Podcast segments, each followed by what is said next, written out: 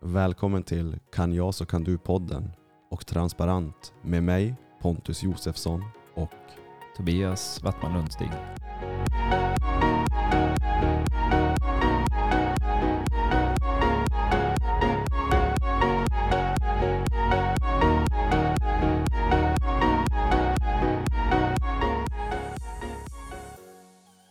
Dagens eh, samtal eh, kommer säkert handla om mer, saker mer större område än de här två orden. Men eh, vi pratade om på vår morgonstund här att eh, jag hade sett en dokumentär och, eh, som var ganska kraftig.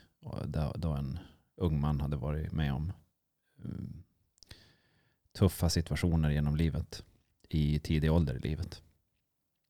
Och eh, folk när de frågade honom, eh, han varit intervjuad vid ett tillfälle och eh, fick frågor om den här tiden som var tung och hur han såg på saker. Och, och det reportern sökte efter, om, sökte efter lite grann, det var att få honom reflektera på ett dramatiskt sätt.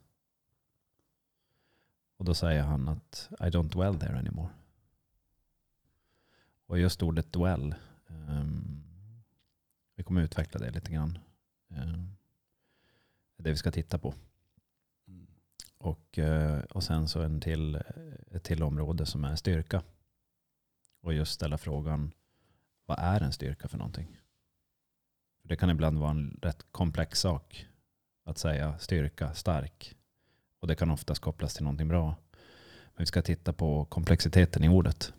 Men sen tänkte vi väl att vi skulle börja med en väldigt fin, ett, musikstycke och att tillägga är ju att eh, när du visade mig den här låten förra veckan Mm. så hade jag aldrig hört den. Mm. Ja, det här är ju en stor klassiker. I min, I min värld. Och precis som många har reagerat när jag har sagt Har du hört den här låten? De bara ja. Mm. Vem har inte hört den här Mm. låten? Så vi får se vad lyssnarna tycker. Den här är alltså en vecka gammal för mig den här låten. Men nu kommer vi spela upp när Neil Young kör den live Mm. 1971. Och den är väldigt, eh, just namnet, eh, Heart of Gold. Mm.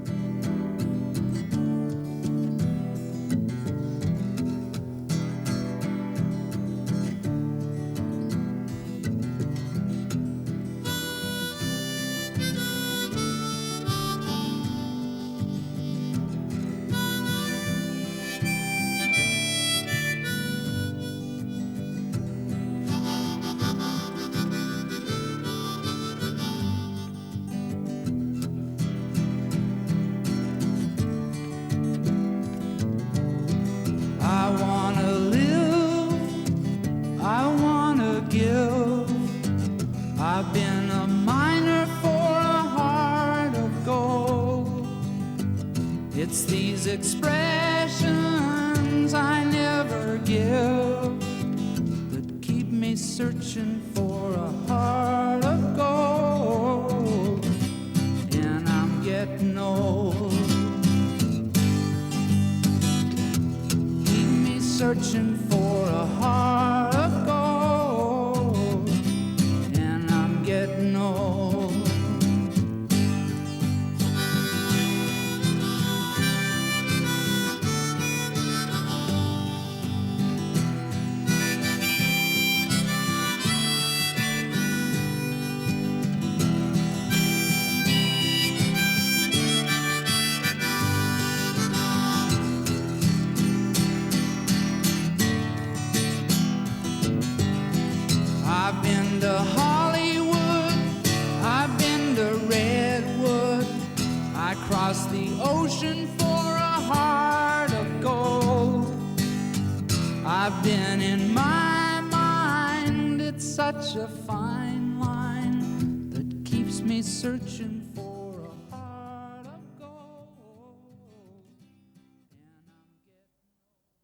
Mm. Wow vilken låt. Mm. Fortfarande lika bra som för en vecka sedan. Och vid det här tillfället, om det stämmer, så um, var året 1971. Jajamän. Det är alltså 52 år sedan. Ja, och det är, jag föddes 78. Så, vad blir det då? Sju år innan. Mm. Och jag föddes 92 så det är 21 år innan. Mm.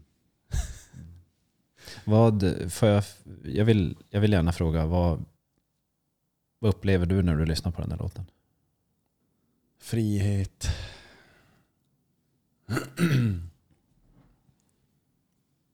ja, men du vet, jag älskar ju musik. Alltid gjort. Liksom, och jag har ju alltid förhållit mig till sån här, den här genren av musik lite grann. eh, Men jag får lite samma så här, frihetskänsla av Ted Gärdestad till exempel. Mm. Liksom, det finns som inget...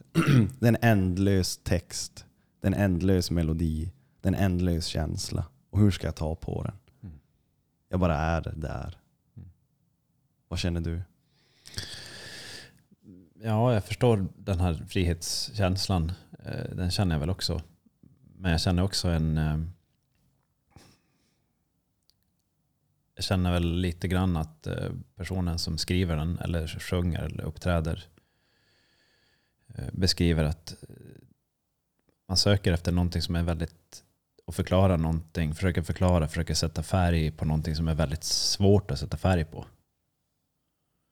få en kontext på någonting som är kanske ett jättekomplicerat att få en kontext på på ett enkelt sätt. Och han gör det så enkelt. Mm.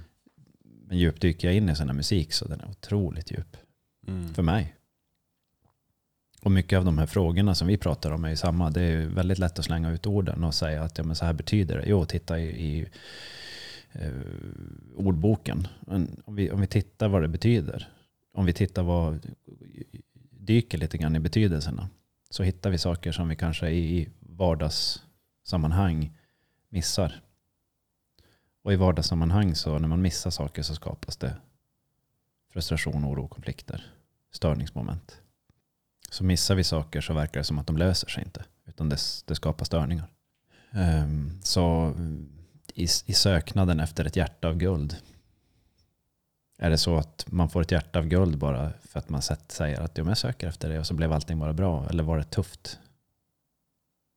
Och jag tror ju att de flesta som har sökt efter det hjärtat av guld, vad nu det än är, eh, upplever att det, det, är inte, det är inte det enklaste. Men det, det, är, det är värt det.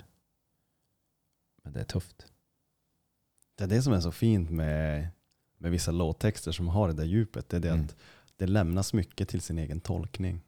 För, han, för oftast är det ju så med vissa eh, låtar där de, de skriver ju ofta inte rakt ut exakt allt som har hänt. Utan de skriver ju sin, får man säga, sin upplevelse av det hela. Det är väl lite grann av en, en filosofisk dikt. Precis, ja.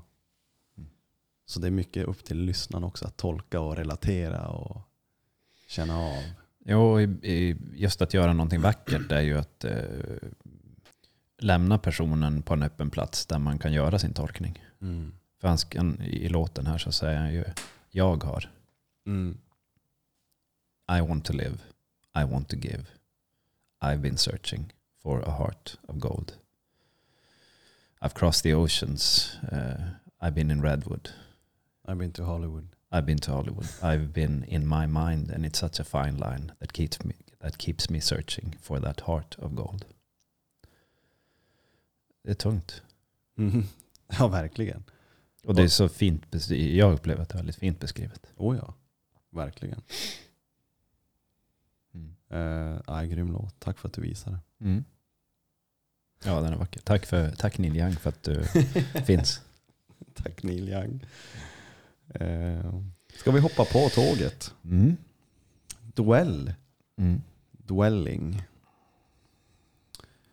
För jag, men vill, jag har ju uppe, uppe, uppe min um, engelska svenska ordbok. Mm. Ska jag läsa för de som kanske inte vet vad ordet dwell just betyder? Mm.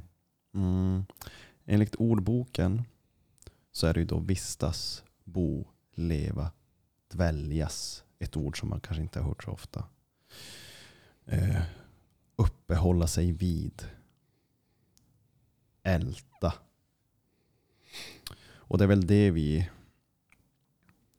riktar in oss på egentligen. Att vistas i, att bo vid, att Uppehålla sig vid. upp, precis, uppehålla sig vid. Eh, och, och bo som i ett hus.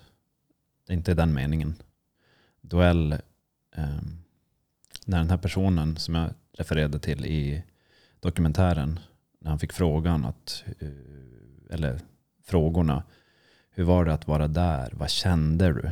Vad upplevde du? Så, grä, så söker de efter drama som de ska sprida vidare. Vad upplevelsen jag fick. Och det han vill berätta till folk, till reporten, det är att jag vistas inte vid det där någon längre. Jag har gått vidare.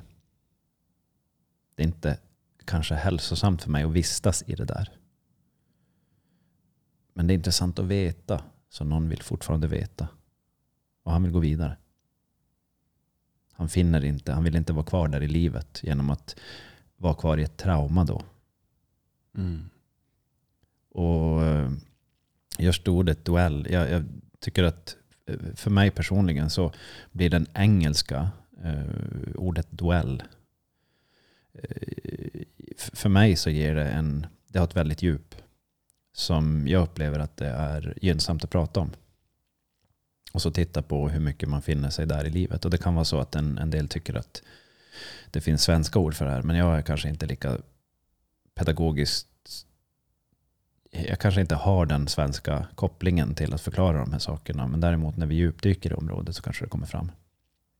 Så att när vi har varit med om någonting i vår uppväxt, vilket jag upplever väldigt ofta, frekvent, att människor vistas vid, är kvar i någonting som då eh, var en plats de var, men när de har gått vidare i livet så att vara kvar i de där känslorna, vara kvar i de där beteendena, att, att dväljas, att dwell, att vara kvar där, är längre inte hälsosamt.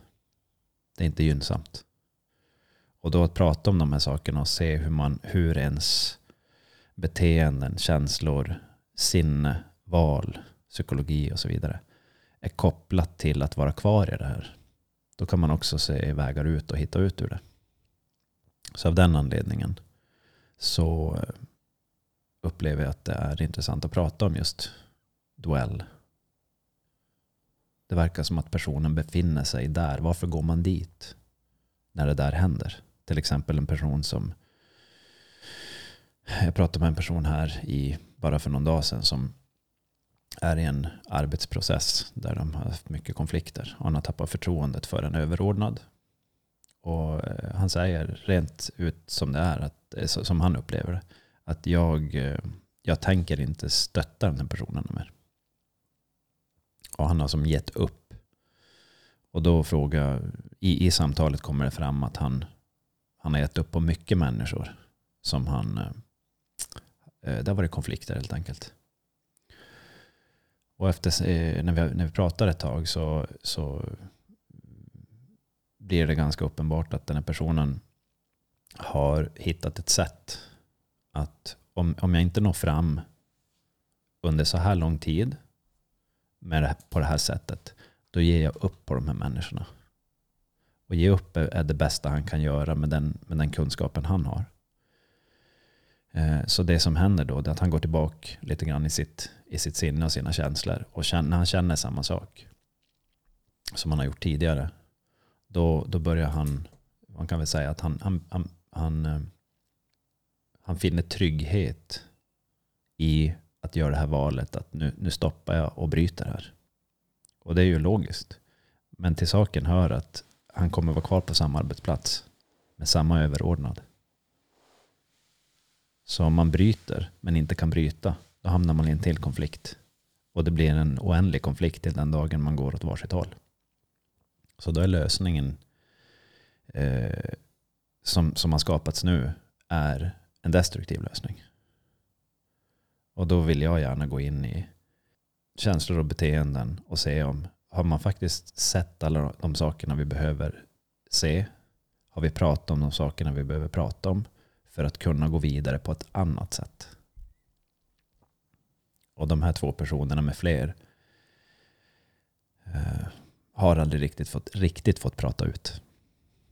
Men de har en massa idéer och tankar och känslor om varandra och är övertygade i sin övertygelse. Och när man är övertygad om sin övertygelse, då duellar man i sin övertygelse.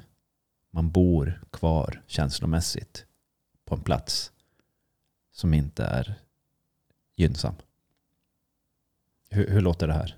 Jag skrev just, eh, antecknade lite här när du, när du pratade. Och, och det är ju just det här som jag, innan jag tappar den här tanken och frågan är ju, är ju liksom, det första är ju då, varför duellar vi? Varför lever vi kvar i det gamla? Och då skrev jag även trygghet? frågetecken Och det nämnde ju du. Mm. Och jag tror att man gör det här mycket av trygghet. Gå tillbaka till gamla mönster som man har eh, använt sig av förut. Mm. Jo, alltså trygghetsmönster är ju jätteviktiga. Det, det är ju en överlevnads... eh, Det är ju någonting som gör att vi överlever. Vi, vi lär oss saker och så förhåller vi oss till dem och så blir det ett vanemönster och så känner vi oss trygga med att om jag gör så här så får jag det där. Eh, vi leker med tanken varje morgon när, eh, när vi kommer hit. Det är så åker vi och tränar lite grann på just det där mjuka återhämtande sättet. Och så när vi kommer hit så kokar du en kopp te. Det har blivit så nu. Det har blivit en tradition för oss. Ja. Och den traditionen är... Det, det, när jag tänker tillbaka på våra möten så är det en kopp te som tillhör det här mötet. Mm. Utan den här kopp teen så skulle det kännas som någonting var lite rubbat. På ett konstigt sätt. Det skulle inte vara någon to- stor katastrof. Men det skulle kännas som det blev lite skevt. Och bara den här enkla grejen som du gör, att varje gång när vi kommer hit så kokar du en kopp te och så sätter vi oss ner och dricker en kopp te tillsammans och pratar. Eh, skapar en form av trygghet. Och då är det så enkelt att rubba den där kopp teen och jag känner mig inte lika trygg. Får du då känslan, känslan av att du vill eh, ersätta kopp teen med någonting annat? V- vad menar du? För- om den här, om den här kopp teen, Mm. nu kokar jag en kopp te varje, varje morgon vi kommer hit. Om den skulle tas bort, Mm. då skulle någonting vara rubbat. Skulle det då vara att du vill ersätta kopp med någonting? Eller bara skulle det vara tomt? Okej, jag skulle gärna vilja säga så här. Ehm, om, om den här kopp teen nu Mm. inte fanns på plats, du skulle inte koka den. Då skulle jag känna mig lite otrygg. Eh, inte otrygg så att jag skulle spåra ur och bli en tjurig, treårig eller person som börjar gapa och skrika. I, i, inte på den nivån. Men eh, här vill jag visa på hur banalt det kan bli ibland. Mm. Eh, och då pratar vi om en kopp te. Mm. Så om den här kopp nu skulle inte göras en dag, eh, då skulle jag känna mig mindre, mindre bekväm till mods när vi sätter oss ner. Och när jag känner mig mindre bekväm till mods, då blir jag mer splittrad. När jag är mer bekväm och till mods, då blir jag mer samlad. Så om jag kan bli lite splittrad eller lite samlad över en kopp te, Tänk vad som händer när det blir större saker. Mm. Så säg en person som, eh, säg nu två personer som är i relation till varandra. Man arbetar med varandra, kan vi ta, kan ta det exem- exemplet. Och så behöver man kommunicera med varandra. Men man känner att eh, personerna når inte varandra. Och de kommunicerar på två lite olika sätt och missar varandra i kommunikationen. Och istället för att komma vidare så blir de splittrade, frustrerade och börjar bråka. Tänk att det här händer ganska ofta. Så i situationen där vi vill lösa ett problem, där vi behöver samla oss, samla styrka, komma tillsammans och samla kraft och sen röra oss i samma riktning framåt. Personerna som då kommer ihop har ett problem att lösa, blir frustrerade och splittrade, stänger ner och går åt varsitt håll. Det är ganska ett vanligt förekommande scenario. Ja men jag tänker det. Och det, bara för att det händer så betyder det att det inte behö, det behöver inte fortsätta hända. Men personerna som har hamnat i det här scenariot, i den här em, vistelsen i att det är så här jag gör. Så de gör på två olika sätt och når inte varandra. Och skapar frustration och splittring hos varandra. Det som jag är intresserad av när man sätter sig ner och tittar på de här sakerna så skapar man samling. Man samlar sina sinnen. Och så tar man det lugnt och så går man sakligt igenom person för person vad som, vad som gör dem upprörd. Ofta så är det någonting som, som personen själv gör. Uppfattar att någon annan gör. Som skapar otrygghet. Och när man går tillbaka till det här eh, stället där man ehm, vistas i sitt sinne och i sina känslor. Så söker man en trygghet.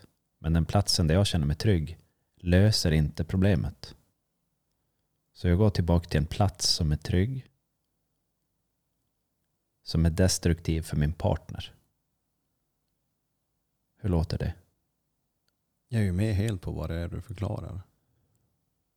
Det, det här är någonting som jag tror många känner igen. Men till exempel du som har använt droger tidigare. Mm. Kan det vara så att när du, när du har använt droger, i vissa fall i varje fall, att du har sökt en trygg plats? Det där är intressant om vi ska prata just drogerna. Eh, för dels är ju det. En trygg plats. Mm. Samtidigt som jag, jag söker den platsen så flyr jag ju från någonting annat. Ja, men så är det ju per definition alltid. När vi Okej. är på en plats så går vi bort. När vi, om jag går till vänster, då går jag bort ifrån höger. Mm. Och, ja, precis. Så, så jag försökte ju, för jag hade ju där och då hittat ett sätt som, ja men här är det bra. Exakt. Här är det bra, eller hur? Ja. Mm. Det, är så, det är så intressant. Här är det ju bra. Varför är du inte kvar där? För att det inte var så jävla bra. Ja, exakt.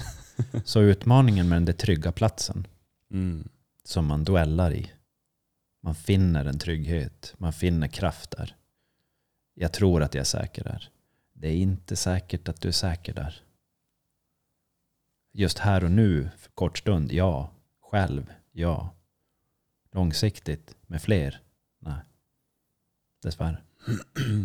Det där är ju också med dwelling, är ju att om man går ner till individen, hur fan ska jag veta att jag är och dwellar i någonting som inte är bra? Ja, det är en bra fråga. För då, då blir det ju lite mer att man, ju längre det, det fortgår, desto mer konsekvenser kommer man ju att få hantera. Eh, vad sa du där? Be- Ta om det där igen. Desto längre det fortgår, det här dwellandet. Mm.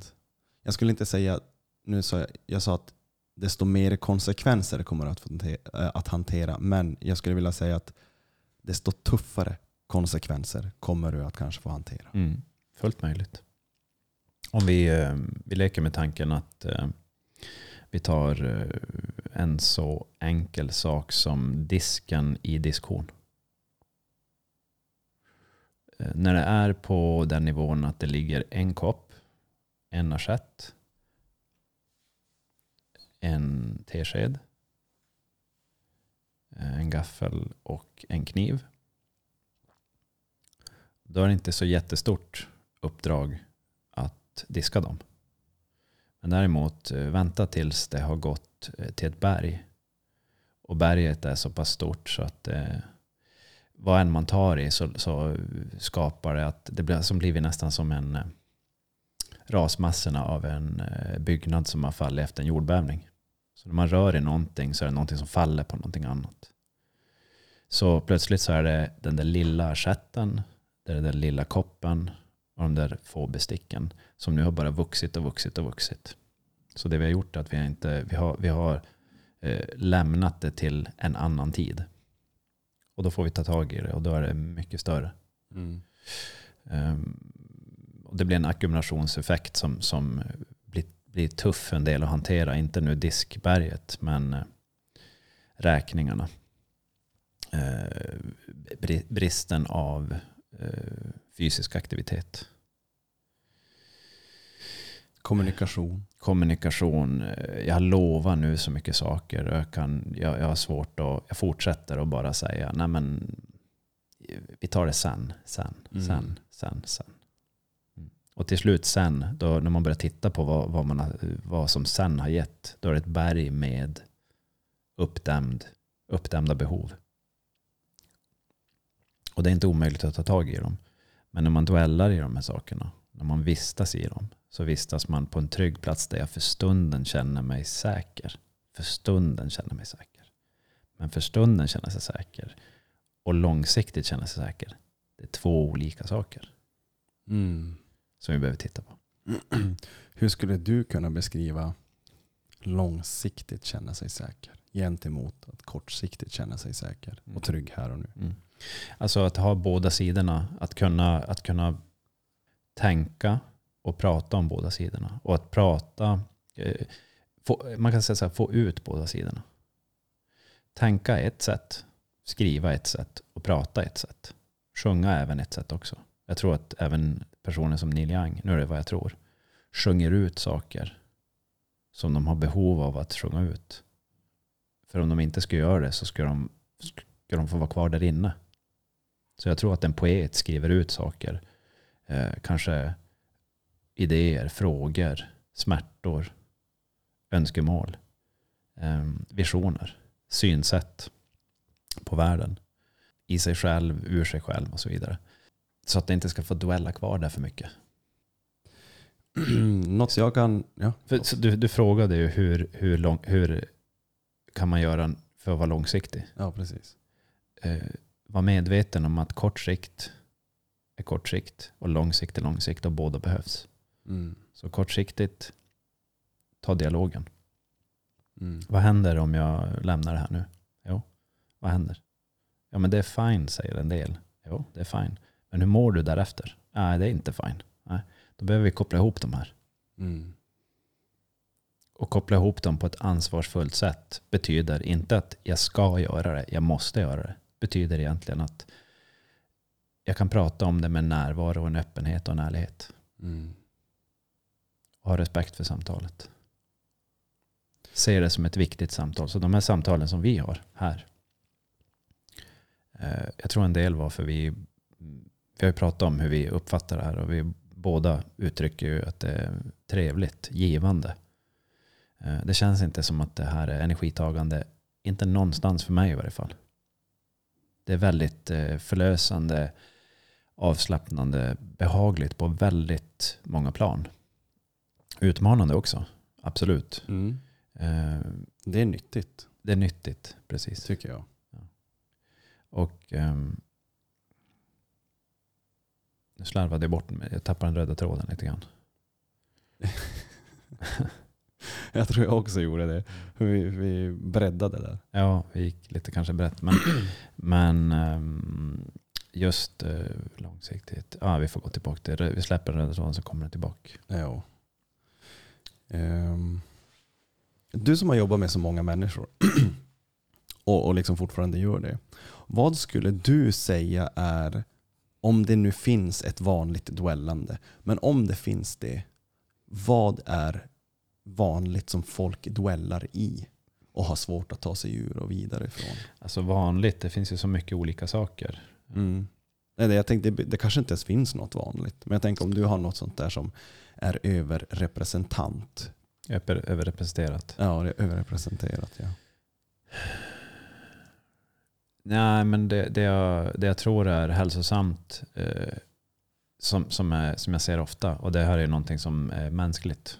Det är att vi, vi har våra beteenden och så hittar vi tryggheter i dem. Att, eh, och därav finns det ett ordspråk som heter, eh, eller som säger, det är svårt att lära gamla hundar att sitta. Det är vanligt. Däremot, om vi, om vi öppnar upp oss för att det här transparenta perspektivet och så säga så här, men ska vi titta på en sak? Och så ärligt tittar vi på någonting utifrån att vi undersöker någonting tillsammans. Vi tittar på någonting som vi inte nu är fast besluten att vi vet vad det är. Det som händer då är att den gamla hunden kan plötsligt sätta sig. Mm. För personerna i fråga, det vi, det vi gör när vi går tillsammans, två personer, det, det är till exempel två eller fler. Det är att för tillfället så ska vi inte övertyga varandra om vår övertygelse. Utan vi släpper vår övertygelse och börjar utforska tillsammans och säga um, vad händer när vi gör så här? Och så får man utforska vad som händer. Vad händer när man tittar på det där? Okej, vad händer? Och vad händer när vi har kommit, kommit en, en bit ner i ett, i ett ämne? Åt vilket håll rör det sig då? Ja just det, om vi, om vi har olika meningar, då står det still. Ja men vi har ju ett behov av att röra oss framåt här. Så hur kan vi få den här bollen att rulla framåt? Och då behöver vi förstå hur våra egna beteenden påverkar bollens riktning, hur den rullar. För om du och jag till exempel möts, säg bara en sån här enkel sak som vi ska gå och äta lunch på en restaurang, vilket vi gör frekvent. Om du är helt övertygad om att du vill gå till en viss restaurang och jag vill gå till en helt annan restaurang. Om vi är för starka i vår mening där, då hamnar vi i en konflikt mellan restauranger. Det, det, det låter väldigt banalt. Men, men utmaningen ibland är att eh, nu är det inte så svårt tror jag för de flesta att välja restauranger. Så. Om vi ska göra någonting svårare, och vad skulle det kunna vara? Um, vi ska lösa ett problem. Säg ett problem som, som vi ska lösa. Hjälp mig att hitta ett problem. Jag... Eh, vi tar några. Eh, jag vill eh, börja med en ny kosthållning. Kan man ha det? Där jag är, jag vill ha en ny kosthållning. Jag vill, jag vill gå ner i vikt. Mm. Och du ger mig, det kanske blir för... Ja, om vi gör så här. Om vi tar någonting som ligger mellan, eh, eh, mellan två personer. Mm, Så har du haft en konflikt med någon person någon gång? det har jag. Det kan vara vem som helst. Det kan vara en förälder, det kan vara en, en, ett syskon. Vad ska vi ta? Ska vi, ska vi ta att jag är skyldig dig pengar? Det en konflikt? Ja, men det blir också fel. Mm. Men säg att vi tar... eh, Har du haft en konflikt med en förälder någon gång? Jo. Har, har du haft en lång, långvarig konflikt med en förälder någon gång? Konflikt betyder att jag, jag har svårt att se, jag har svårt att lita på den här personen. Jag, har, eh, jag känner mig inte riktigt trygg med den här personen på olika plan. Vi kan ta en grej som vi faktiskt har haft. Det är det att jag har varit ganska kräsen när det kommer till mat. Hemma. Hemma. Mm. När föräldrarna lagar mat. Och det, och det var så löjligt att jag, jag, jag åt inte om det, om det var lök i köttfärsen. Mm. Mm. Och de, jag ska inte säga att de alltid satte lök i köttfärsen för att Mm. liksom, typ så här, inte vet jag, jävlas med mig. Eller bara för att all, man, gör ju, man har ju lök i köttfärsen, det är gott. Men när det var det så gnällde jag. Och sen varför kan ni inte tänka på mig? Mm. Men varför kan inte du lära dig att äta lök? Mm. Det ju, Men Där, där har vi en, där, där tror jag vi har en intressant, där, där vi kan utforska. precis. Mm. Så eh, vid vilken ålder började det här? Det har egentligen varit ända sedan jag var, jag har gått i mellanstadiet. Hur Skulle jag gammal- vilja säga. Hur Där gammal jag, ungefär? då är man, ja, men säg, säg från 12 års ålder. Mm. okej. Eh, ungefär. Ja, och eh, nu, nu låter det ju lök i köttfärsen, hur allvarligt är det? Men det är lika allvarligt som eh, i, på, på beteendestadiet som, eh, som vilken annan konflikt som helst. För det är här man börjar titta på vad man gör för val Mm. och vad det får för konsekvens. Så om vi tar nu båda sidorna. Mm. Vi har föräldrar. Och vi har, eller vi har, om vi säger föräldrar, tre personer tar jag. Det är som Mm. att det var, det var en, en far, en mor och ett barn. Mm. På, när föräldrarna eh, lagar mat, så vid just det här tillfället så är det köttfärs. Och så sätter de i, eh, tillsätter de lök. Mm. Och du gillar inte löken. Eh, inte där och då, nej. Nej. Eh, gi- gillar du den nu? älskar lök. Du älskar till och med lök. Ja. Okej, så där har det hänt någonting. Det har hänt någonting ja. Så frågan är då om eh, vi, det, det jag skulle vilja om det här var en, säg, säg att det här är en arbetsgrupp. Mm. Jag ser det som en arbetsgrupp just nu. Det är en familj som arbetar tillsammans. Så när eh, personerna sätter lök i, i köttfärsen och du ska äta dem så händer någonting med dig. Och du, du uttrycker att du vill inte ha det. Så, och eftersom att du beskrev att de fortsätter sätta lök i köttfärsen så finns det en risk att det blir lite grann av en, eh, man försöker, försöker nöta ut varandra. Ja. Hänger du med? Ja. Och det, det, det, det finns de sätt, alltså det, det, det är inte ovanligt förekommande att du ska, du, ska nå, du ska ta med fan lära dig att bete dig som alla andra. Mm. Eh, ett annat sätt, när, om, om vi säger att en konflikt går vidare, då skulle jag vilja säga så här, hur, va, va, varför sätter ni köttfärs eller lök i, i, i den här köttfärsen? Och så skulle jag vilja, att, eh, vilja höra vad, vad personen har för resonemang. Och så skulle jag vilja höra personen, när de har gett sitt resonemang om varför, så skulle jag vilja höra resonemanget som personen som äter köttfärsen har för att inte äta den. Och i det här resonemanget som kommer fram, det som händer då är att personerna får höra varandra var de, varför de gör de här olika sakerna. Så det, det, jag är ute efter, eller det vi är ute efter här, är att förstå varandras tillvägagångssätt och reaktioner. Och när vi får göra det så får vi ibland mer information än, än vi hade sedan tidigare. För vi, vi, många gånger så grundar det sig att jag trodde jag förstod den andra men jag gjorde inte det riktigt. Och då, just när det handlar om duell, då går jag tillbaka till om jag, om jag känner mig felbehandlad till exempel. För fråga om du har känt dig felbehandlad någon gång Ja. i de här scenarierna. I just den här så, så jag ska inte säga att jag, jag, jag var nog lite så här, fan. Jo men känslan är ute efter inte att det var så. Okej, ja. Nej men nog, nog kunde jag känna att det var lite orättvist. Orättvist. Ja. Unge- Alltså, ja.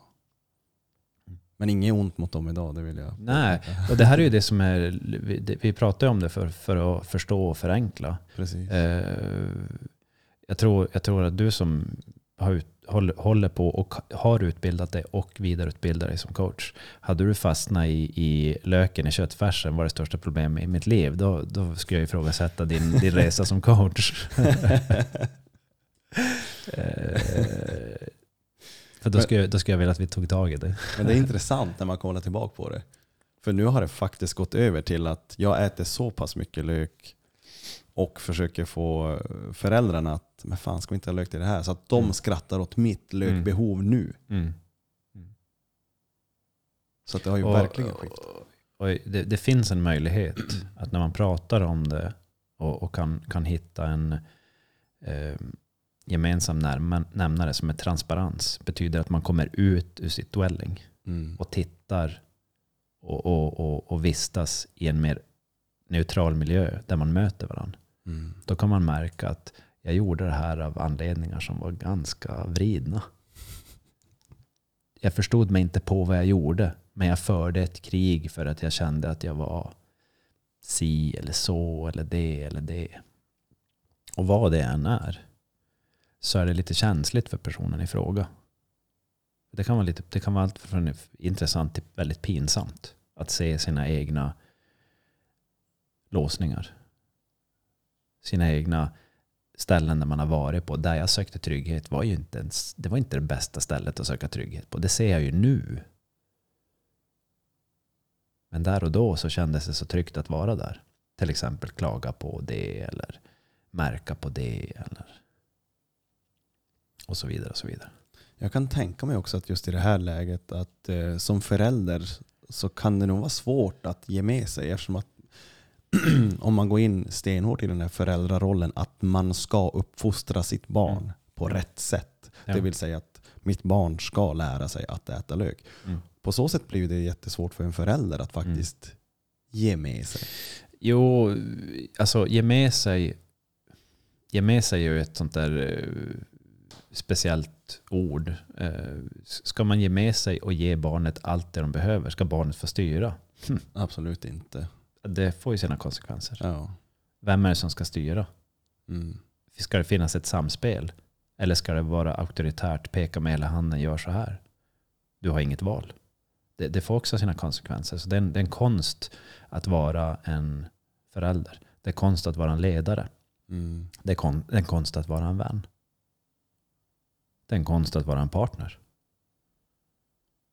De som säger att det, det, i, mitt förhållande till min partner har inte varit, varit helt enkelt. Vi har varit tillsammans i 20 plus år. Vilket jag tycker är helt outstanding. Ja, det, är, det är fascinerande på sitt sätt. Det, är det. Det, det tycker jag själv. Mm. Men jag är i det, så jag, jag, jag ser det inte på samma sätt som någon utifrån. För mig, jag har befunnit mig, jag har dwellat där. Mm. Jag försöker att inte dwella där. Eh, jag försöker att utveckla. Eh, jag försöker att bli en... Jag vill bli en, en... Jag vill uppdatera mig själv och vill bli en hållbar partner genom livet. Och ibland så fastnar man i, ställ, eh, i beteenden och tryggheter som är, kanske inte funkar för sin partner. Har du något sånt exempel? Om, om vi får prata om, om ditt sätt att förhålla sig till det här. Så vi har levt så pass, eh, vi, vi har, Sandra sa senast igår att vi har levt ett så otroligt eh, annorlunda liv än eh, de flesta runt omkring oss. Så hon känner sig lite ensam. På det sättet att det är väldigt många som har valt skolan, karriären och som jobbat och som fått sina barn, köpt ett, köpt ett hus, fått sina barn. Och vi har ju gått en annan väg.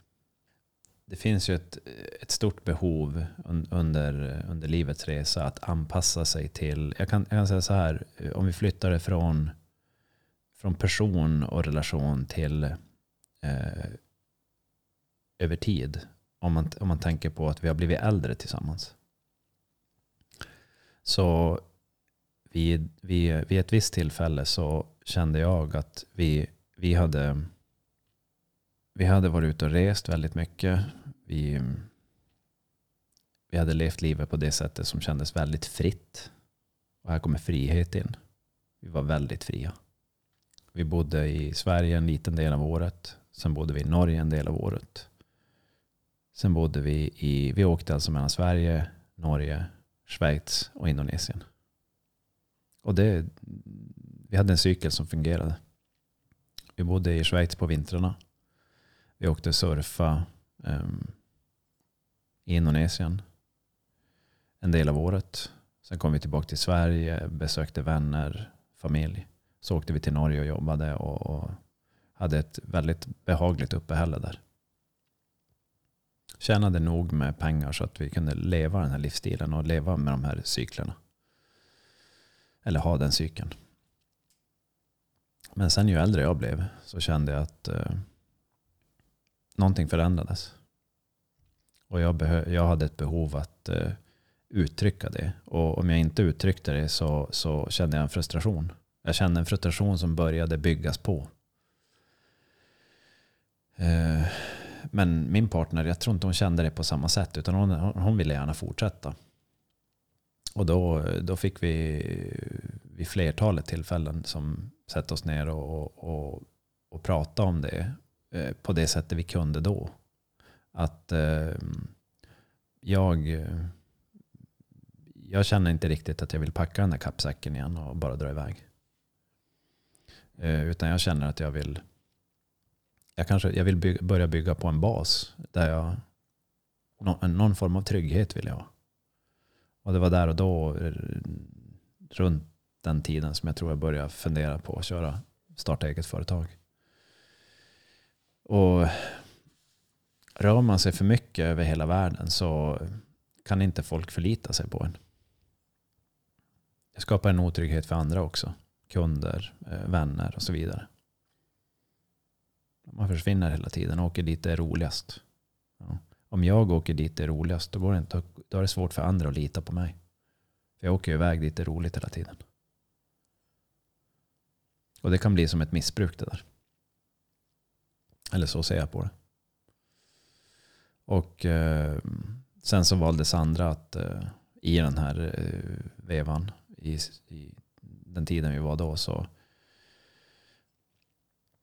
ville hon utbilda sig. Så hon, hon sökte till skolor, kom in. Hon har väldigt bra betyg. Så hon, hon kom in. Och så valde vi att flytta dit skolan var då. Ehm, och det har blivit en bra resa tycker jag. Men den är inte utmaningsfri.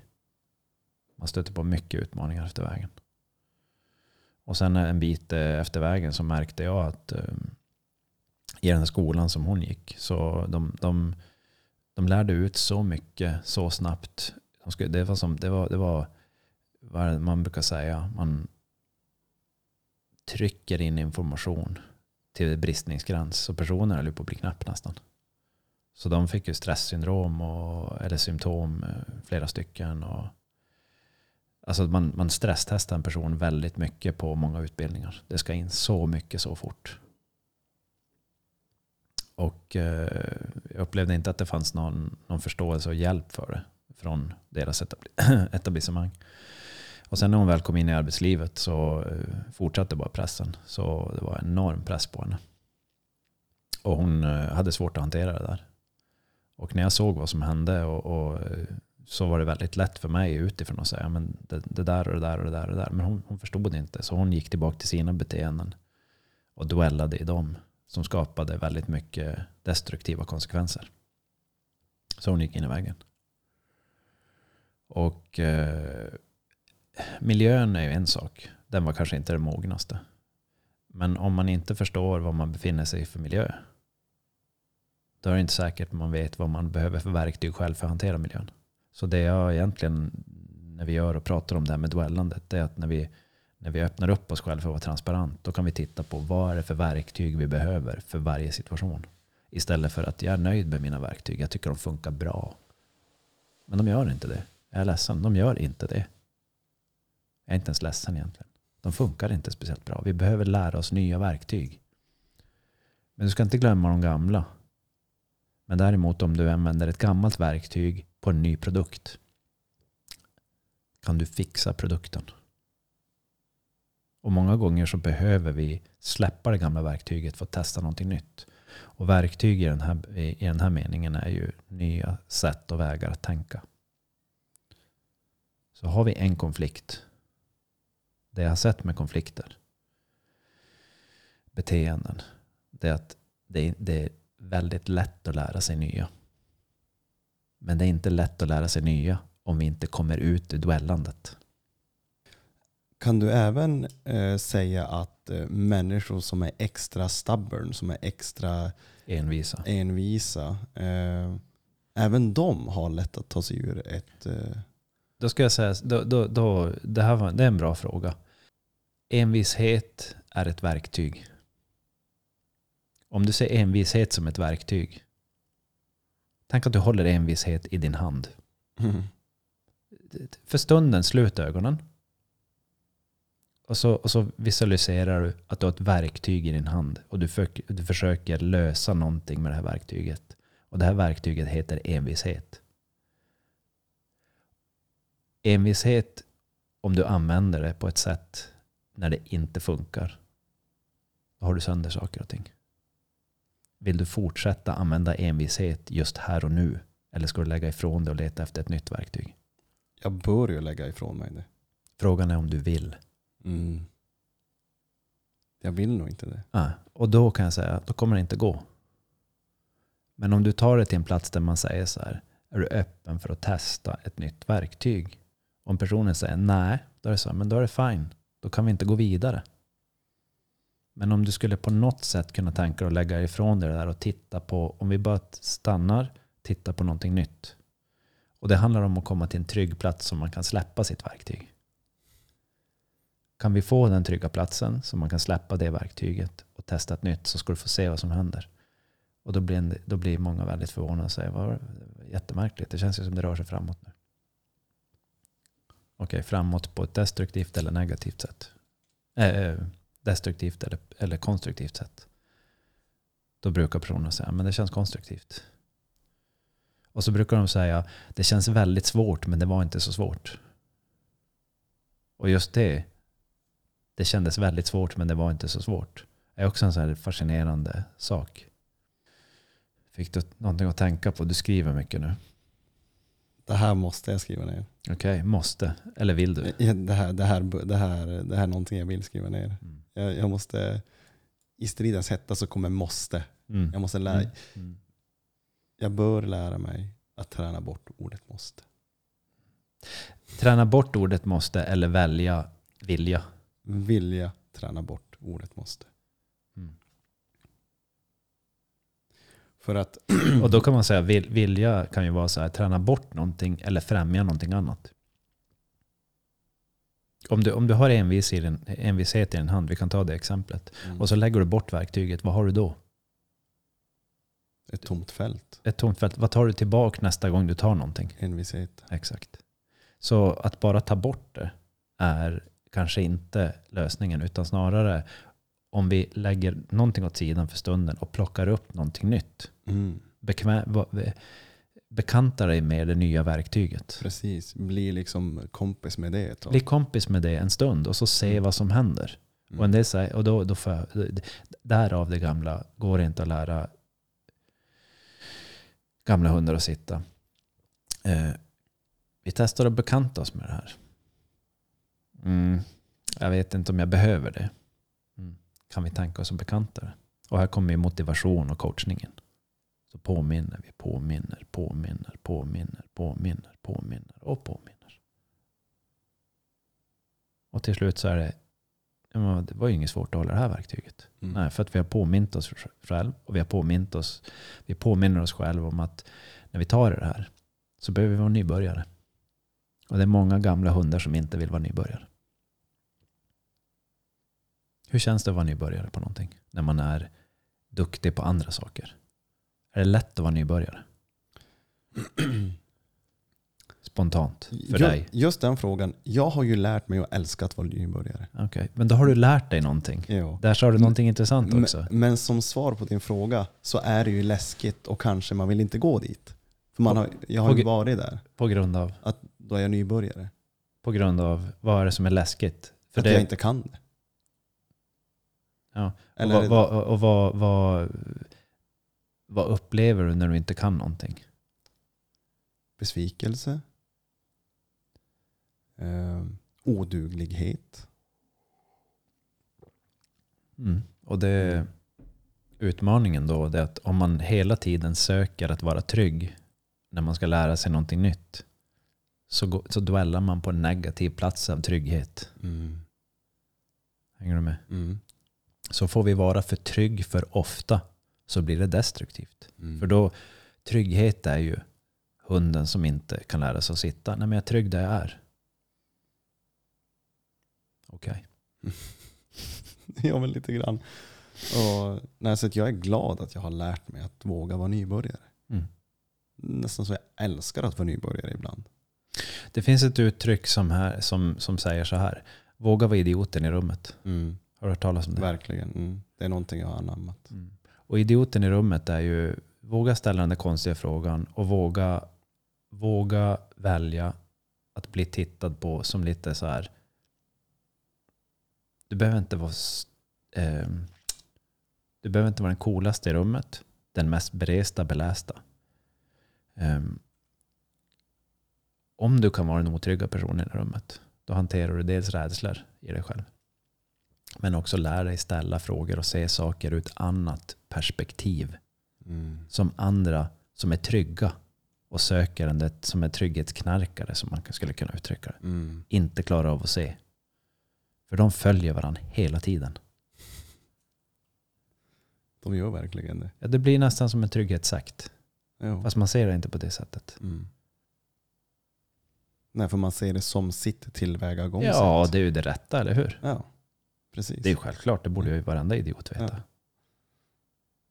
Det är därför det är så viktigt att vi... För när du tog upp det här idag, att vi skulle prata om det här.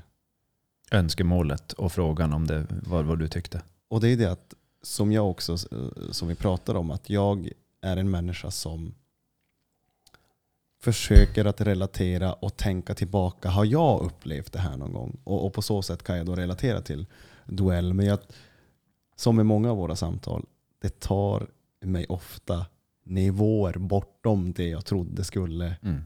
kanske tas upp. Och det är ju det här som är det, utmanande när man, när, vi, när, när man pratar om eh, ofta de områdena som jag tycker är intressant att jobba i. Medling, hantering av konflikter, hantering av lösningar. Lösningsoptimering, konflikthantering, medling. Så personerna som har hamnat i konflikten är ofta väldigt övertygade om att den där andra parten det är dens hela fel. Skulle den personen bara förändra det där ska allting bli bra. Och vart jag vill komma det är så här, okej det är en idé.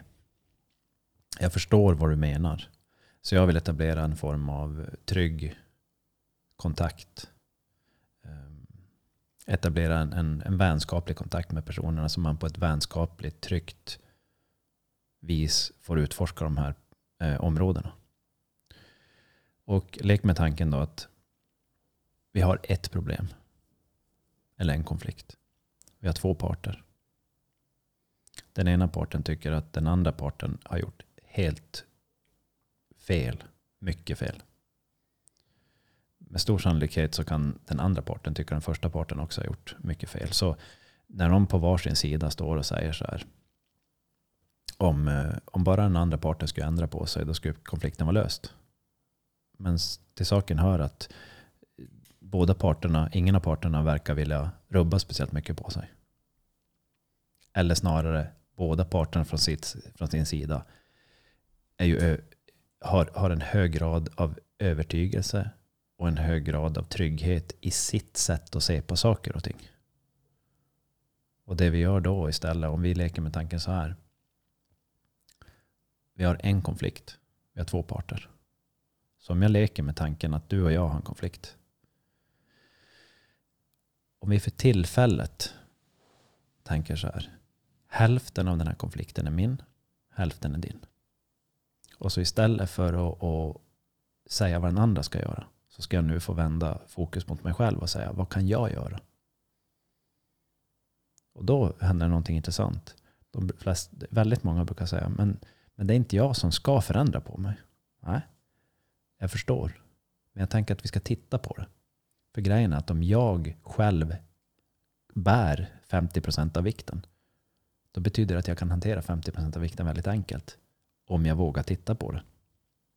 Så om jag släpper 50% och den andra personen gör samma sak, då är 100% av konflikten borta. Istället för att jag förväntar mig att du ska släppa din, för då släpper jag min sen. Mm. Och då finns det ett väldigt intressant ordspråk. Och det finns en bild i det här ordspråket. Det sitter en, en gammal farbror framför en vedbras, eh, en, en eh, öppen spis. Och så håller han ett vedträ i handen och så säger han så här. Om du ger mig värme så ska du få ved. Han bör ju få ved först.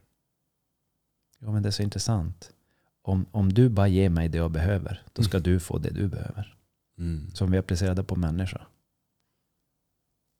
Men ibland behöver vi vända på det och säga, vet du, du får det här först. Mm. Sen får jag någonting annat. Eh, och det är en filosofisk eh, liten lite space det där. Använder vi den veden på det sättet så vi får den värme vi behöver? Och det finns en till sån, eh, liten historia som jag tänkte berätta från en, jag tror att det är från någon form av, eh, jag fick höra den från typ en buddhistisk munk faktiskt. Och han sa så här, eh, det var två eh, munkar som, som eh, gick på en eh, stig, en väg upp för ett berg.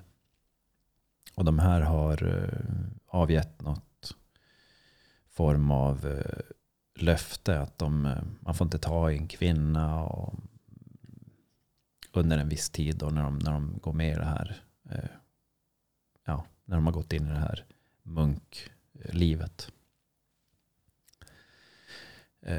Bland annat just prata och, jag tror prata och ta i en kvinna fick man då inte göra i, i den här historien. Och så hade de kommit gående efter den här vägen. Och eh, så efter en bit efter vägen när de kom gående så var det en kvinna som hade fallit med en, eh, hon hade burit en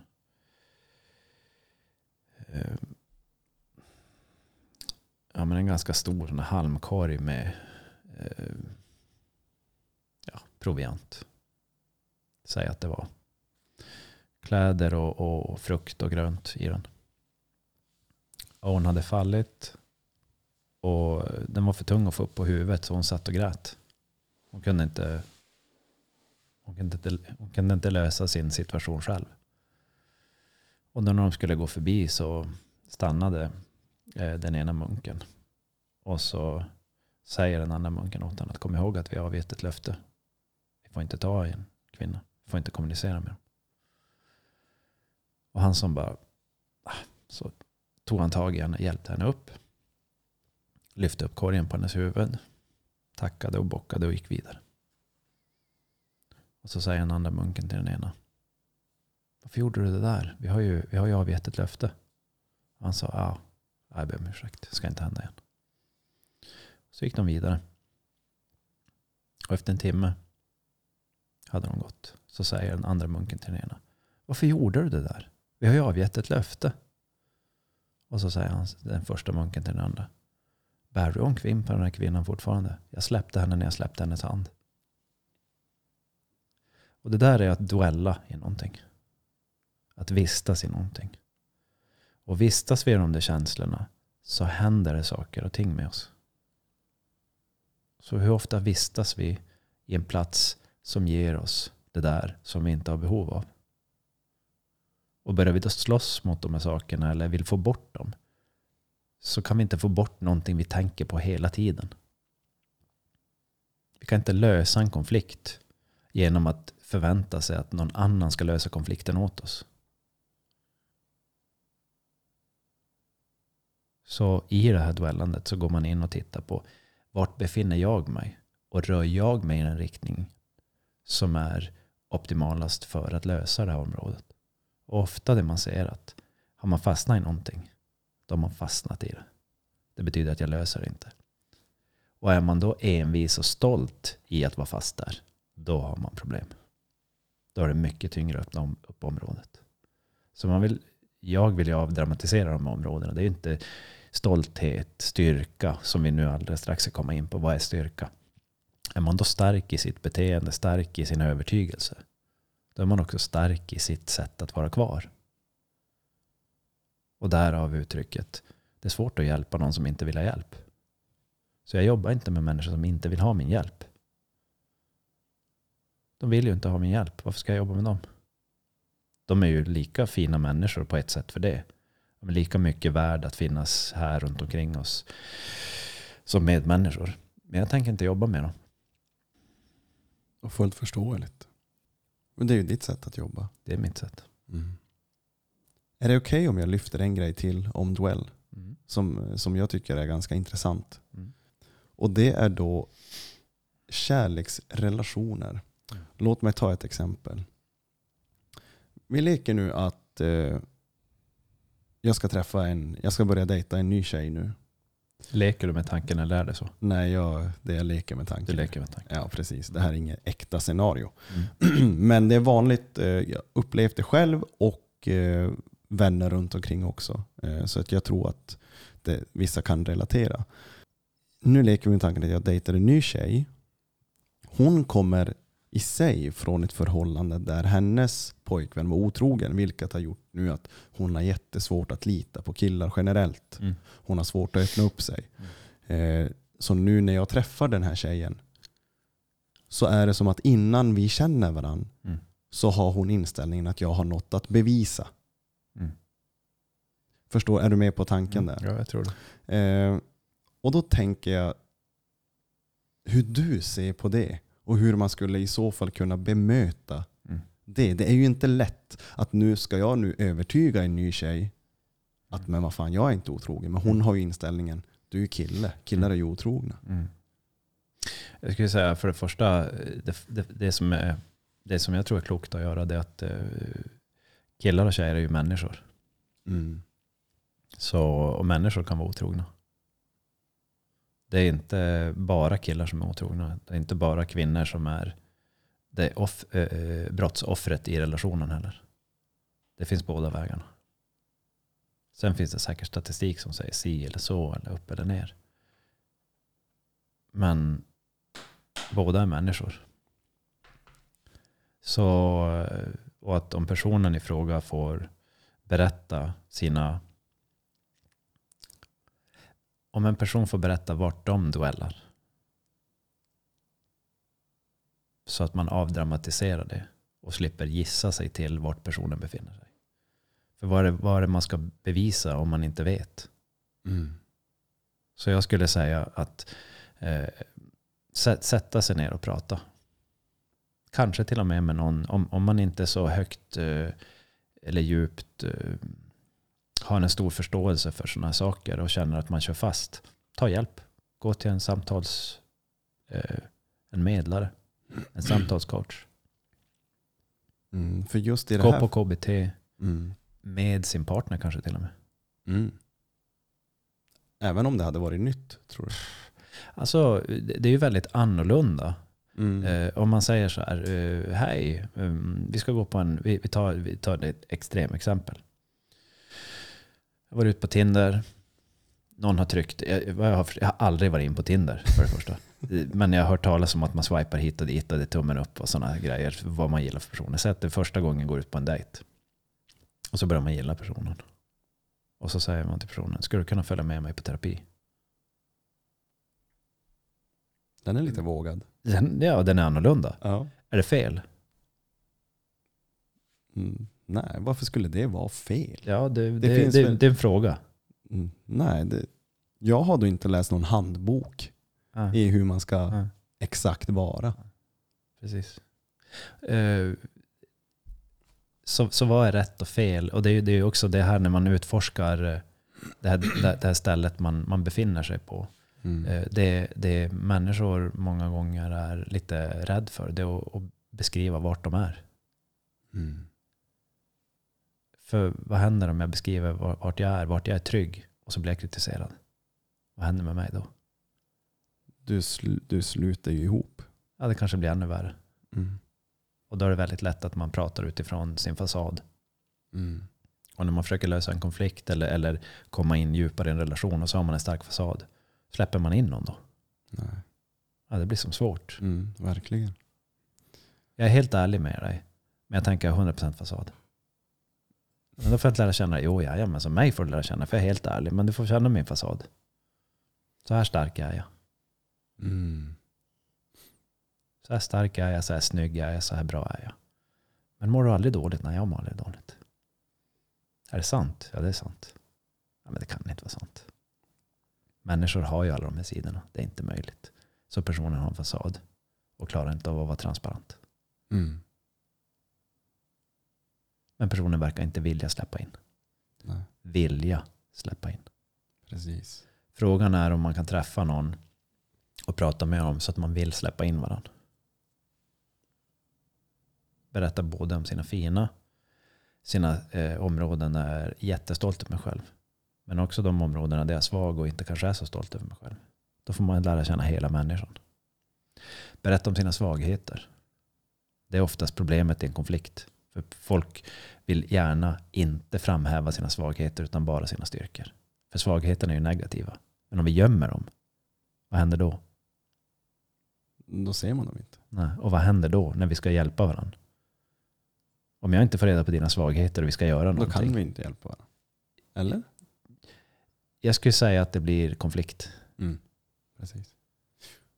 För vi försöker ändå hjälpa varandra. Vi försöker lösa problem med varandra. Hela tiden.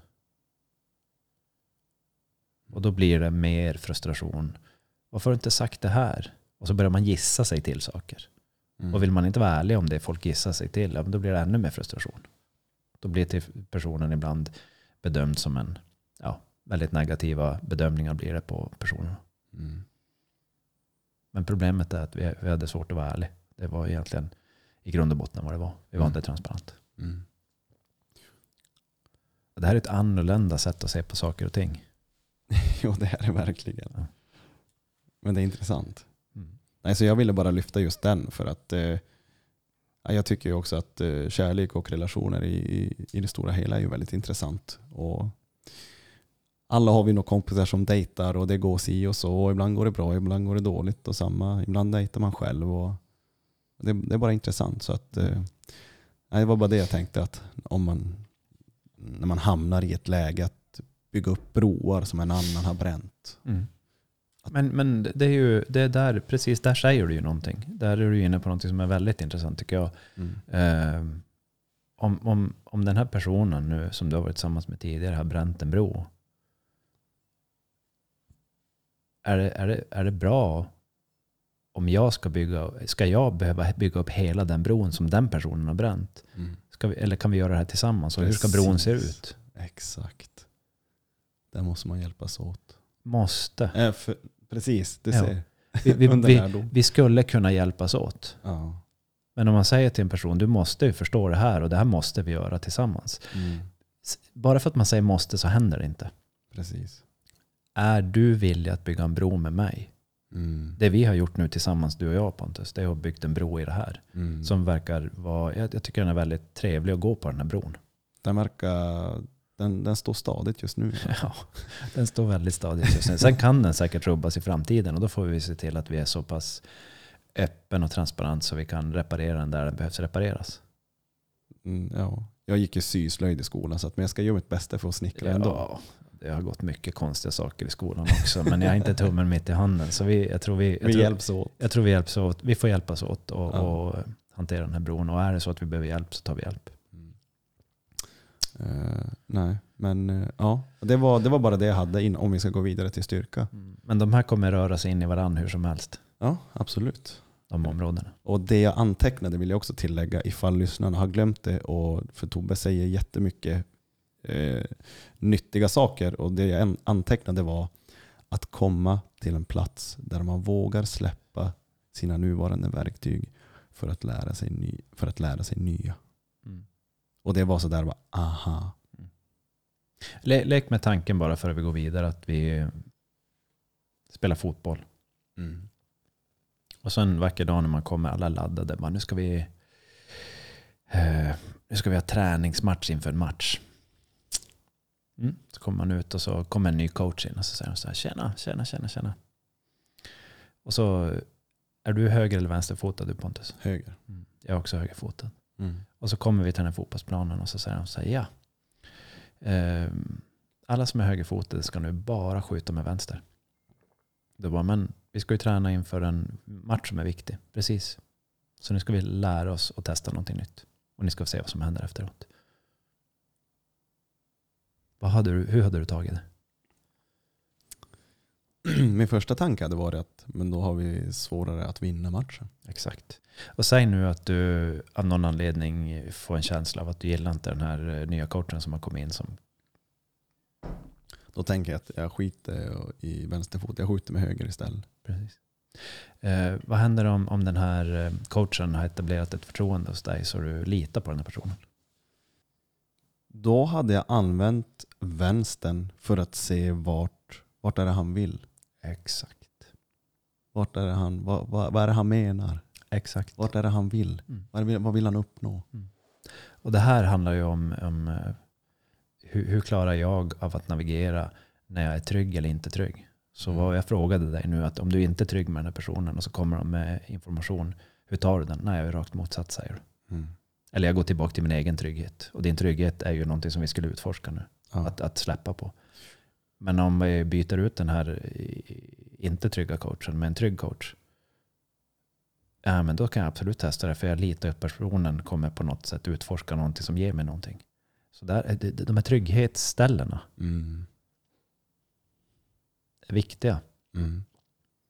Alltså det, jag antecknade det för det var en sån där aha Mm. och make sense. Mm. Så ska vi ta ett steg vidare? Mm. Behöver du pissa eller någonting? Jag tänkte det. vi pausar. Vad är styrka, Mm. Tobias? Mm. En bra fråga. Vad är din första känsla när du tänker på styrka?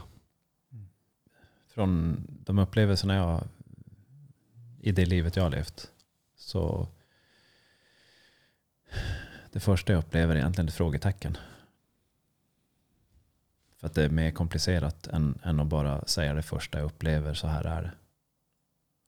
För styrka är en ganska komplicerad sak. Vi kan förenkla det. Men det finns så många sidor till styrka. Så eh, styrka är ett, ett stort och djupt område. Det, verkligen. Mm. Och det är också, och styrka är någonting som jag tror vi kommer komma tillbaka till mycket i den här podden. För styrka är en sån sak som också är, jag är ju oftast trygg där jag är stark. Men om jag inte kan släppa efter så blir det destruktivt. Om jag blir för stark på ett ben, det betyder att det andra benet får inte ta, göra sitt jobb. Och det blir rent för den fysiska kroppen för nervsystemet så blir det inte så bra. Eller får sina konsekvenser. mm, Så styrka är en, en någonting som är bra på ett sätt. Vad har det för baksida? Och vad har det för baksida kortsiktigt, långsiktigt?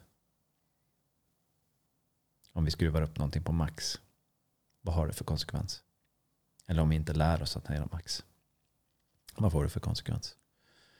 Så det är ju just anledningen till varför jag ville titta in i- styrka. Nu, nu tror jag vi, vi kommer inte hinna lösa ordet styrka den här eh, resterande tiden som vi har kvar i podden.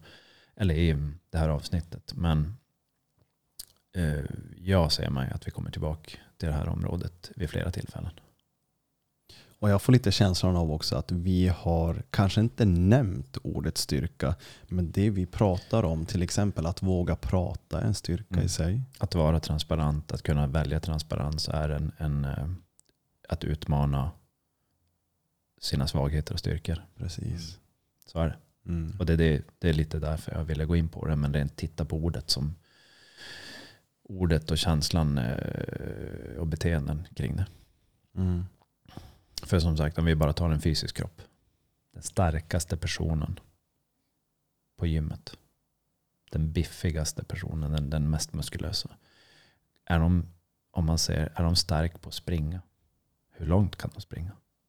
Så den, den, den starkaste personen rent muskulärt eh, i att lyfta en tung vikt kontra en, en eh, vi tar en eh, ultramaratonlöpare. De är starka på olika sätt. Så ultramaratonlöparen kanske inte klarar av att lyfta så mycket vikt vid ett och samma tillfälle. Men de klarar av att vara igång otroligt länge. Utan att nöta sönder sin kropp. En sprinter klarar av att leverera extremt mycket eh, energi på en kort tid. Eh, de två andra hade inte kunnat göra det på samma sätt. För de, är väl, de, de, de har olika styrkor de här tre kategorierna. En person som eh, jobbar med inre, inre martial arts, eh, qigong, tai chi, meditation, kung fu, sådana här saker. De är väldigt eh, starka på att släppa efter och, och hjälpa sitt sinne att få kontroll och balans och samla sig. Det är en styrka. Fast den styrkan syns inte på utsidan på samma sätt. Eh, den mjukaste personen runt omkring oss kanske är extremt stark. Men en annan mjuk person kan vara extremt svag. Man kan vara så, så stark så att man blir svag. Och därav den här eh, sångtexten av Mando Diao, långsamt. Eh, styrka är som en arm. Och även den starkaste arm kan brytas. Så styrka är komplext. Så bara säga att vara stark är ju på vilket sätt? När ska jag vara stark och hur och var? Och när ska jag vara så? Och vad är baksidan till det? Så ett intressant område. Kan du uppmana människor att behöva vara stark? Och i så fall, finns det något exempel man hade kunnat ta det på? Stark är ju också när vi, när vi har... Ibland behöver ju människor vara, när man säger vara stark så är det så här, var konsekvent här och nu. Eller ta det lugnt. Du behöver, du behöver bara, håll, håll fokus på att bara fortsätta en stund till. Var, var långsiktig. Och då är det som så här, men vad ska det ge? Det är lugnt, du kommer få se det. Ha förtroende, det är lugnt. Ge inte upp. Var stark i att bara ha förtroende. Jobba vidare. Jobba inte som en idiot, det behöver du inte göra. Bara ett steg i taget. Det är lugnt. Har du hört ordspråket att vi vet inte hur starka vi är förrän det enda val vi har är att vara stark? Mm. Jo. Och det är ju lite grann när, eh, så som jag tolkar det där, är när det där, det där visar ju sig oftast i ett katastrofscenario. Mm. Då kommer exceptionell kraft. Och det är också, ja, som du säger, katastrof. Liksom. De är om en flygolycka och man blir den enda, enda överlevande på en öde ö. Mm. Ja, då har man inte så mycket val att... Eh, Ja, man har lika mycket val som... Man har inte valet av att gå och köpa en kaffe på Starbucks. mm. Men det är också vansinne. Men däremot så har man valet att, eh, att eh, jobba med det man har. Mm. Eller ge upp. Just det, ja. Det, de valen finns. Mm. Ja, men det är inte så lätt säger en del. Ja, men det, det är fortfarande de valen som finns. Men nu ska vi supporta dig och lyssna vart du är. Inte berätta åt dig vad du har för val och tvinga dig att göra dem. För det, Mm.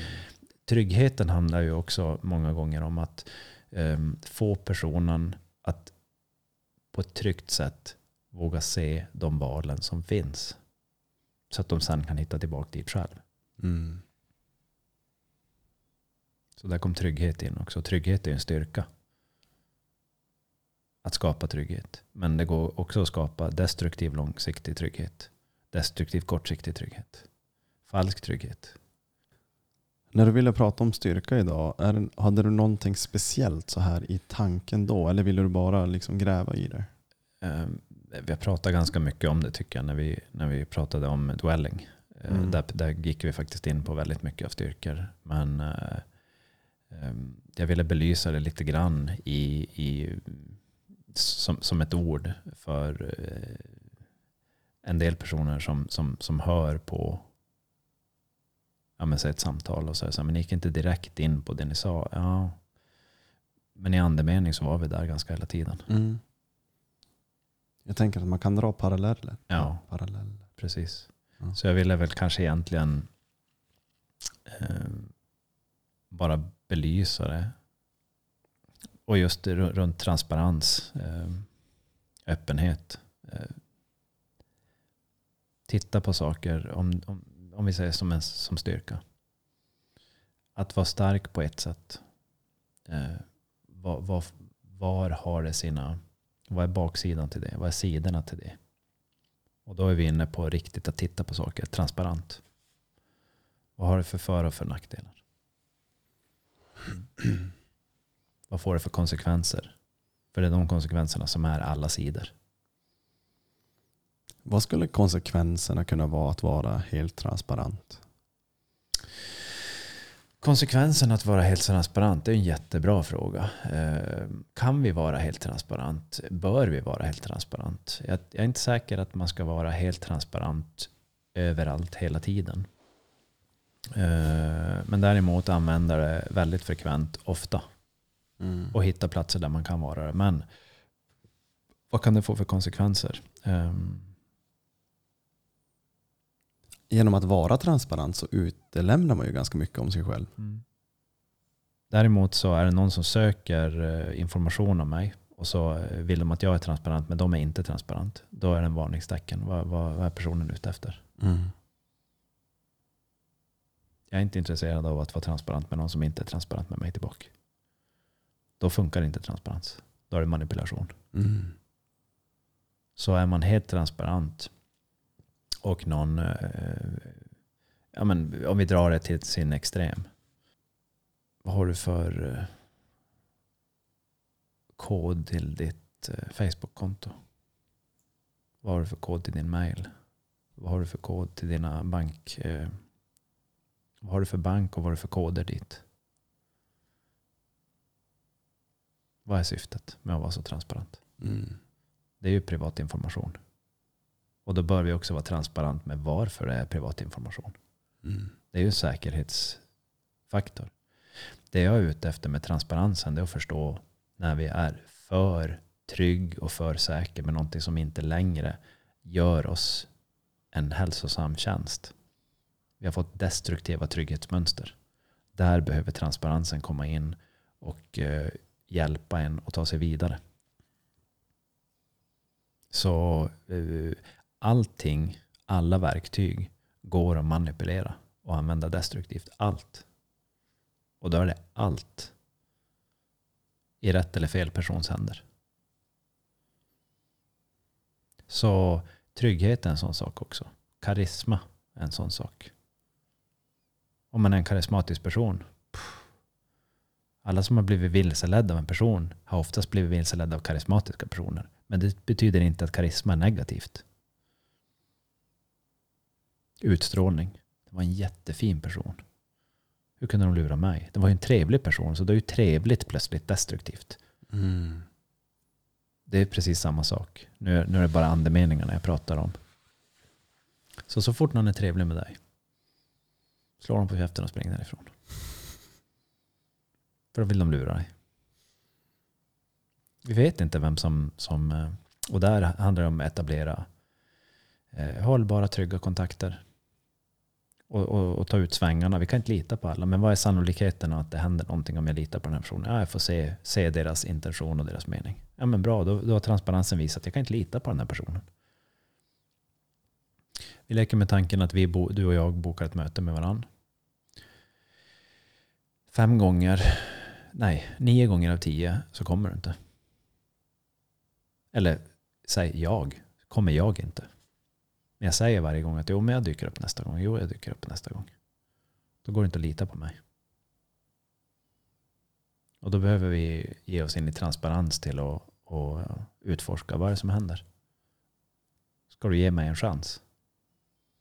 Det, skapar en, det skapas eh, otrygghet runt mitt beteende. Och då går det inte längre att lita på mig. Du kan säga att du kan lita på mig, men det går inte att lita på mig. Eller vice versa gentemot någon annan. Frågan är, går det inte att lita på dem på något sätt?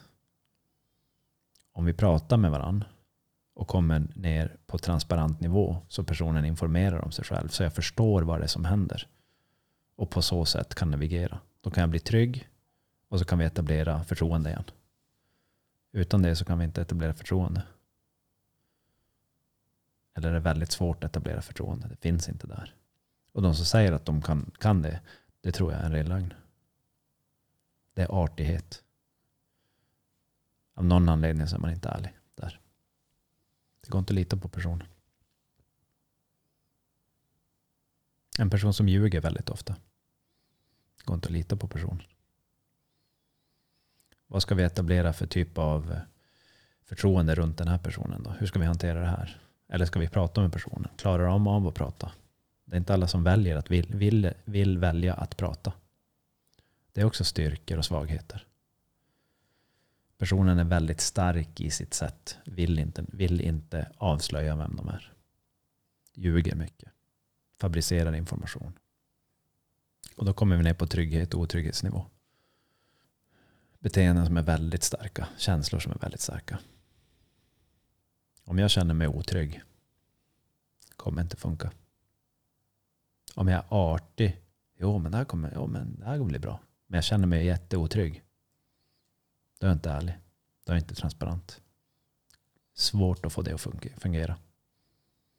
Det blir halvhjärtat, helhjärtat. är sådana uttryck också. Hur mycket av ditt hjärta kan gå in i det här? Att vara transparent är och säga ah, på grund av det och det och det så att jag kommer kunna gå in väldigt halvhjärtat. Finns det på något sätt vi skulle kunna göra så att det kan bli helhjärtat? Och så sitter man där och pratar. Får man med hela hjärtat, då är sannolikheten för lyck- att lyckas mycket högre. Lite som det här vi gör. Det känns som att eh, det används stor del av våra hjärtan. Mm, det här är helhjärtade försök skulle jag Mm. säga. Eller med, med stor del mot helhjärtat. Det, det, för, mig, för mig är det här ett helhjärtat försök. Ja. Och det är mycket på grund av att jag känner att jag har förtroende för dig, för Mm. det vi håller på med nu. Och det har jag sett vä- växa fram med vad du klarar av att göra. Mm. Bara att du är trevlig och artig och mjuk på rösten och behaglig att vara i närheten av i samma rum är inte nog. Mm. Man behöver bevisa över tid vad man är kapabel till att göra och att man kan hålla det. Då växer det fram ett förtroende. Styrka. Ja, det måste man väl ändå kunna Mm. säga att det är. Absolut. Absolut. Så att, eh, och, och som sagt än en gång, andemeningar i livet. Vi pratar om, eh, vi, vi- sitter ju här och pratar med varandra om eh, områden som är lite, lite djupare om man skulle säga så än, än vardagspratet. Men som, som håller tag i texturen till det som kallas för livet. Eller som interagerar med texturen till livet. Och allting som vi är med om. Och eh, jag ser det här som ett sätt att vara flexibel och stark i att kommunicera. Och är vi, blir vi starka och kommunicerar, det betyder inte att vi kör över människor. Det är ett sätt att vara stark. Ett sätt att vara stark är att vara öppen med sin retorik och säga, ställa frågor, hjälpa någon annan fram, släppa fram någon annan, vara idioten i rummet. Eller den, den tysta i rummet. Eller den konstiga. Udda fågeln brukar jag säga. Jag brukar inte säga att jag är idioten i rummet. Jag brukar säga att jag är van att vara den udda fågeln i rummet. Så brukar jag definiera det. Jag tycker det låter lite mildare. Men udda fågel än en idiot. Och du är fine med det? Jag är fine med det så länge jag inte, så länge jag inte blir minimerad av det. Mm. Har du lärt dig att sätta dina egna gränser där? Jag har lärt mig att om, eh, om vi är på väg någonstans och så säger jag att det inte är på väg dit, att ställa frågan och säga nu trycker jag vi kommer, nu undrar jag lite grann vad som är meningen här. För eh, nu känner jag att vi kommer bort ifrån ämnet. Och kommer bort ifrån ämnet eh, eller till exempel nu är vi inne på, ja till exempel komma bort ifrån ett ämne. Det var det här vi började med att göra. Eh, vart är vi på väg nu? Om man, om man känner att personer eh, vill vilseleda en till exempel. Eller att de vilseleder sig själv utan att de vet det. Så går man tillbaka. Och eh, att sätta gränser är ju otroligt viktigt. Att kunna gå utanför sina gränser är också otroligt viktigt. Så det är väldigt viktigt med att ha ett hus med tak och väggar där man känner sig trygg. Men också viktigt att veta om jag inte går utanför huset så blir jag väldigt otrygg. Mm. Det är också styrkor. Det är så pass komplext att vi kan inte vara bara trygg med en sak och leva ett hälsosamt liv. Då blir vi dysfunktionell. Då får vi problem, verkar det som. Och det är inte för att jag tycker det. Så verkar det vara. Mm. Styrkan att se att saker är svårt men vi behöver inte göra det för svårt. Ehm, styrkan är också att ehm, jag behöver inte veta allting men jag vet att det, vi löser det. Styrka är också att eh, en vacker dag så är vi död. Men vi gjorde det bästa på vägen. Som vi kunde. Vi hade kunnat göra bättre men jag gjorde det bästa jag kunde med den informationen jag hade och med den energin. Och med den motivationen jag hade. Jag tog hjälp av dem jag behövde på vägen. Jag hjälpte dem jag kunde. Jag släppte dem jag behövde släppa. Jag tog tillbaka dem jag behövde ta tillbaka. Jag förlät dem jag behövde förlä- förlåta. Jag satte stopp för dem jag behövde sätta stopp för. Och även för mig själv. Så att eh, mm, styrka är en fascinerande grej. Och det är ju det är precis som du belyser också. att liksom Det finns väl egentligen ingen rätt och fel där. Eller rätt eller fel. Utan allt, och alla de här styrkorna har ju också en baksida. Mm. Som du också belyste. Mm.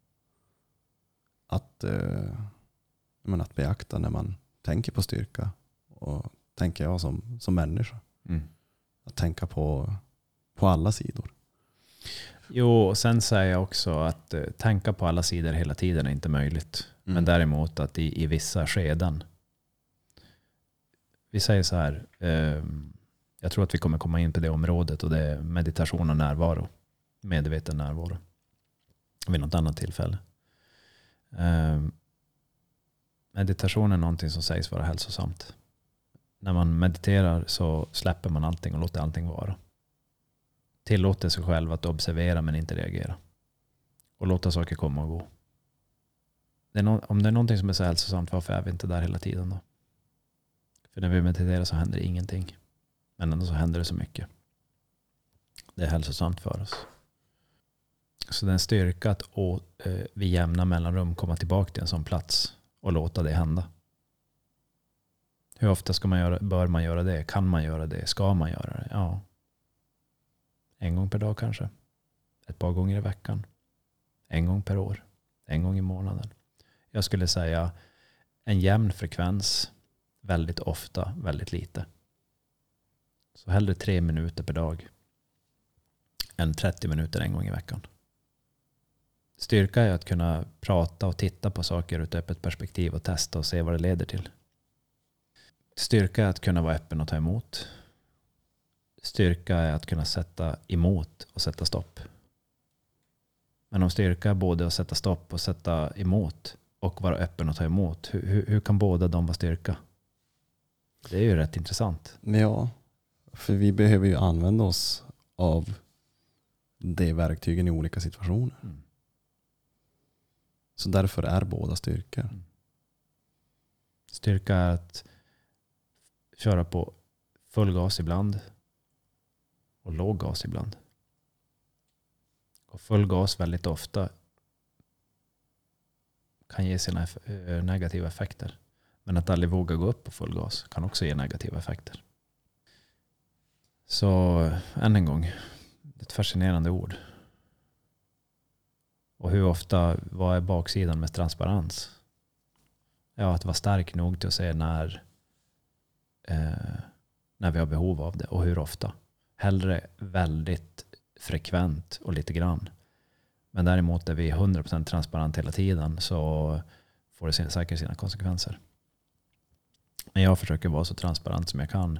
Men det betyder inte att lämna bort mig och ut mig och göra mig själv skad, eh, skad, eh, göra mig till ett byte för andra. Så eh, jag kan ta ett exempel när det ringer. Det ringde någon, någon från någon sån här eh, friskvårdsportal till, till företaget och säger att ni, var, ni efterfrågade väldigt frekvent av våra kunder. Eller vi har fått förfrågningar av kunder som vill använda er. Så vi skulle gärna vilja att ni har er som att ni skriver in er på den här att bli, ja, jag vet inte exakt vad de kallar det för, men att man får en användare där. Och jag sa att nej, jag vet inte om jag är så intresserad av det. Och sen så, men vi kan ju ge er fler kunder. Och så, men jag är inte intresserad av att få fler, få fler kunder så, på det sättet. Och så säger de så här, men det kostar er ingenting. Och då tänker jag så här, mm, ofta det som händer när personer ringer ut till mig och säger att det kostar ingenting och det tar ingen tid och det ger er bara mer, då ljuger de. Det är min erfarenhet, så jag går tillbaka till min erfarenhet här. Och så säger jag så här, men jag kan fråga mina kollegor om de är intresserade. Uh, och jag, jag har inte så mycket tid att prata nu, men kan vi prata nästa vecka? Så, jo, det kan vi. Och så ringde personen upp och så missade jag samtalet. Och sen ringde de nästa dag och så sa hej vi ringer från det här företaget nu. Och har du pratat om med dina kollegor? Så, ja, men vi är, vi är inte intresserade. Okej, men om ni får det billigare, säger hon plötsligt. Och då, så, då tänkte jag så här, mm, här kom det in. Hon, sa, hon började med att säga, den här kvinnan, att det är gratis, det kostar er ingenting. Och sen säger han, men om ni får det billigare då? Hur går det där ihop? Så det blir det som så här, men jag är inte intresserad. Men då kommer det något tillfälle i livet då jag Säg nu, nu så fungerar det så pass ändå smidigt och bra. Jag har de kunderna och jag, jag tar även in nya kunder. Det gör jag. Jag tar in nya företag och så vidare. Men jag tar in företag som säger så här, eh, vi behöver hjälp. Eh, eller vi skulle behöva rådgivning i någonting. Samma med personer, jag tar emot eh, nya kunder. Men däremot så när någon säger så här, om du skriver upp det hos oss så bara ska vi slussa kunder till dig. Eh, och det är gratis. Så blir jag så här, nej men det, jag tror inte det funkar så. Oftast jag ser det är att de har inte den transparensen gentemot mig. Utan de försöker fabricera information och ljuga. Och det är väldigt vanligt. Telefonförsäljare som ringer ut. Oftast unga personer. Lovar guld och gröna skogar. Är oftast inte ärliga. Däremot när jag inleder ett, samma, ett, en, en, eh, ett samarbete eller bygger upp ett team tillsammans med eh, en grupp eller en person eller ett företag så behöver vi den transparensen så att vi klarar av att lita på varandra. Men också vara medveten om att det går inte att lita på alla. Hur ska vi navigera oss i den här djungeln? Ja, genom att hitta dem vi kan jobba med. Och de är fler än man tror. Och sen att en styrka också att inte vara rädd för att göra fel. För fel kommer man göra. Det är inte första och det är inte sista gången man gör generalfel. Och kan man vara transparent och, och vara ärlig med det som har hänt så kan man bli starkare av ett fel. Oerhört intressant dialog idag igen. Ja, det, var, det, det är intressanta områden som, som påverkar mycket av eh, livet. Mm. Och jag tänkte just på det också, vad vi, vad vi egentligen gör här. Det är ju för att ja, dels ge verktyg för att eh, kunna klara av livet eh, på ett bättre sätt och även alltså kunna kanske klura ut livet lite grann. Vad nu det innebär. Mm, ja, vad nu det, det är lite av ett mysterium på ett sätt. Och jag tänker att det är ju det, är det vi gör här.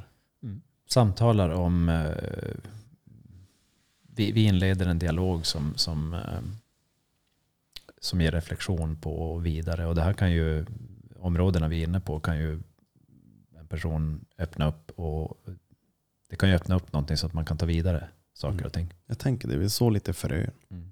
Och är det någon som sitter nu och lyssnar på det här och tycker att ja, men det, de missar ju saker och de spårar iväg hit och spårar iväg dit. Så eh, jag vill inte be om ursäkt för det utan jag vill bara säga men så ser livet ut ibland. Mm.